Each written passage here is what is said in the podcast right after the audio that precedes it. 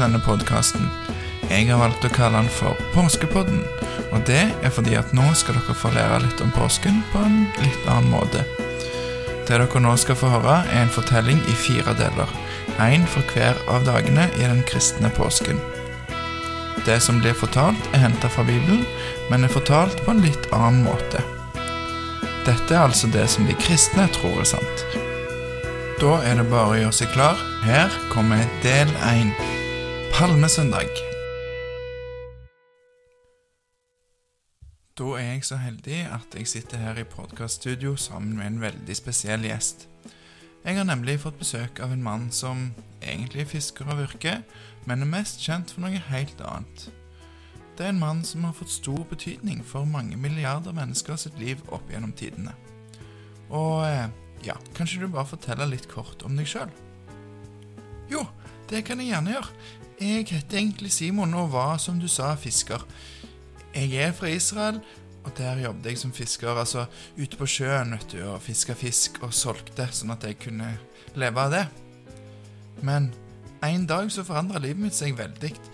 Jeg møtte nemlig en mann En mann Han Ja, altså, han heter Jesus.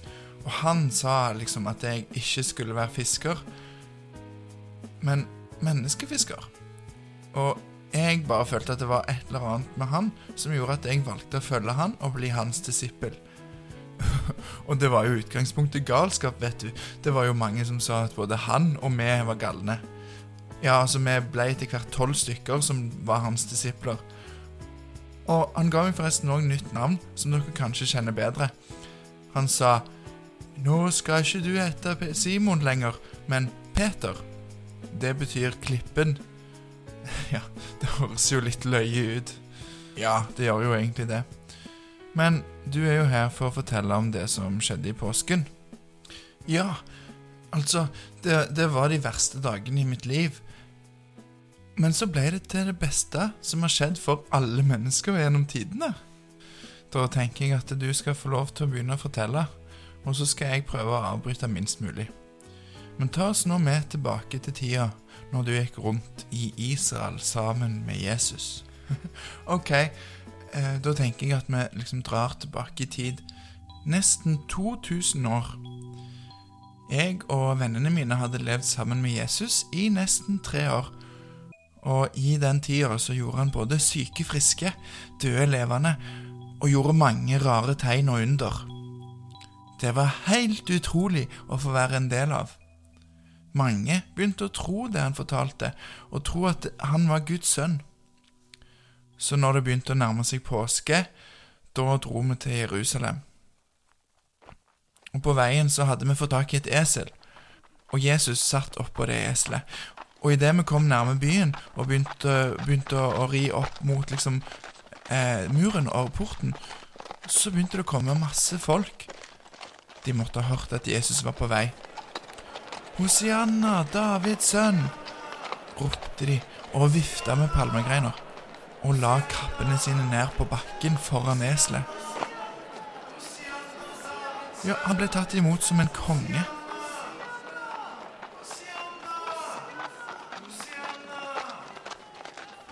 Og når vi hadde kommet inn i Jerusalem, så dro vi til tempelet. Altså, det var det største tempelet i Israel, og alle var kommet til Jerusalem for å feire påske. Og i tempelet, der kom jødene for å be. Men på tempelplassen, der var det masse folk som drev og solgte dyr og veksla penger, og det var mer som et travelt marked enn et hus for bønn. Og Jesus, han begynte å bli sint. Ah! Er dere gått helt fra vettet? Tåper! Dere har glemt at tempelet er et bønnens hus! Et hus hvor mennesket skal møte Gud i stillhet! Dere har gjort det til en markedsplass og røverhule. Gud vil ha kjærlighet og barmhjertighet, ikke penger og døde dyr. Det ble helt stille på tempelplassen. Jeg har aldri sett Jesus så sint før. Ingen sa noen ting. Men prestene, de, De likte ikke det som skjedde. En av de gikk bort til Jesus. Hør nå her! Du kaller deg konge og frelser. Med hvilken rett håner du helligdommen vår? Tempelet er Guds hus. Og, og de jødiske prestene de likte ikke Jesus i utgangspunktet, for, for de, de mente at det han fortalte, ikke var sant, at han ikke var Guds sønn. Og nå ble de enda sintere.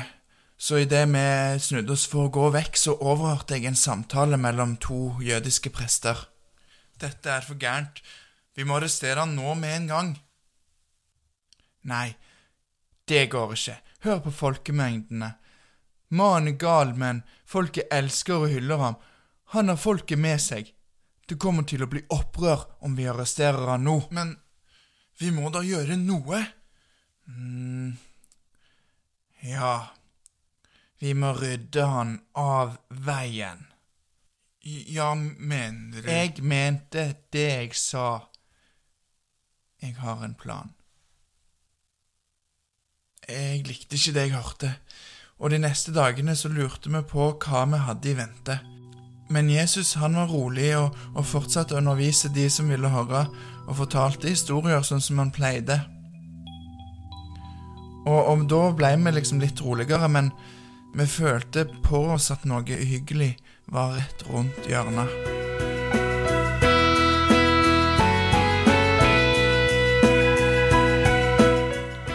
Og det var slutten på del én Palmesøndag.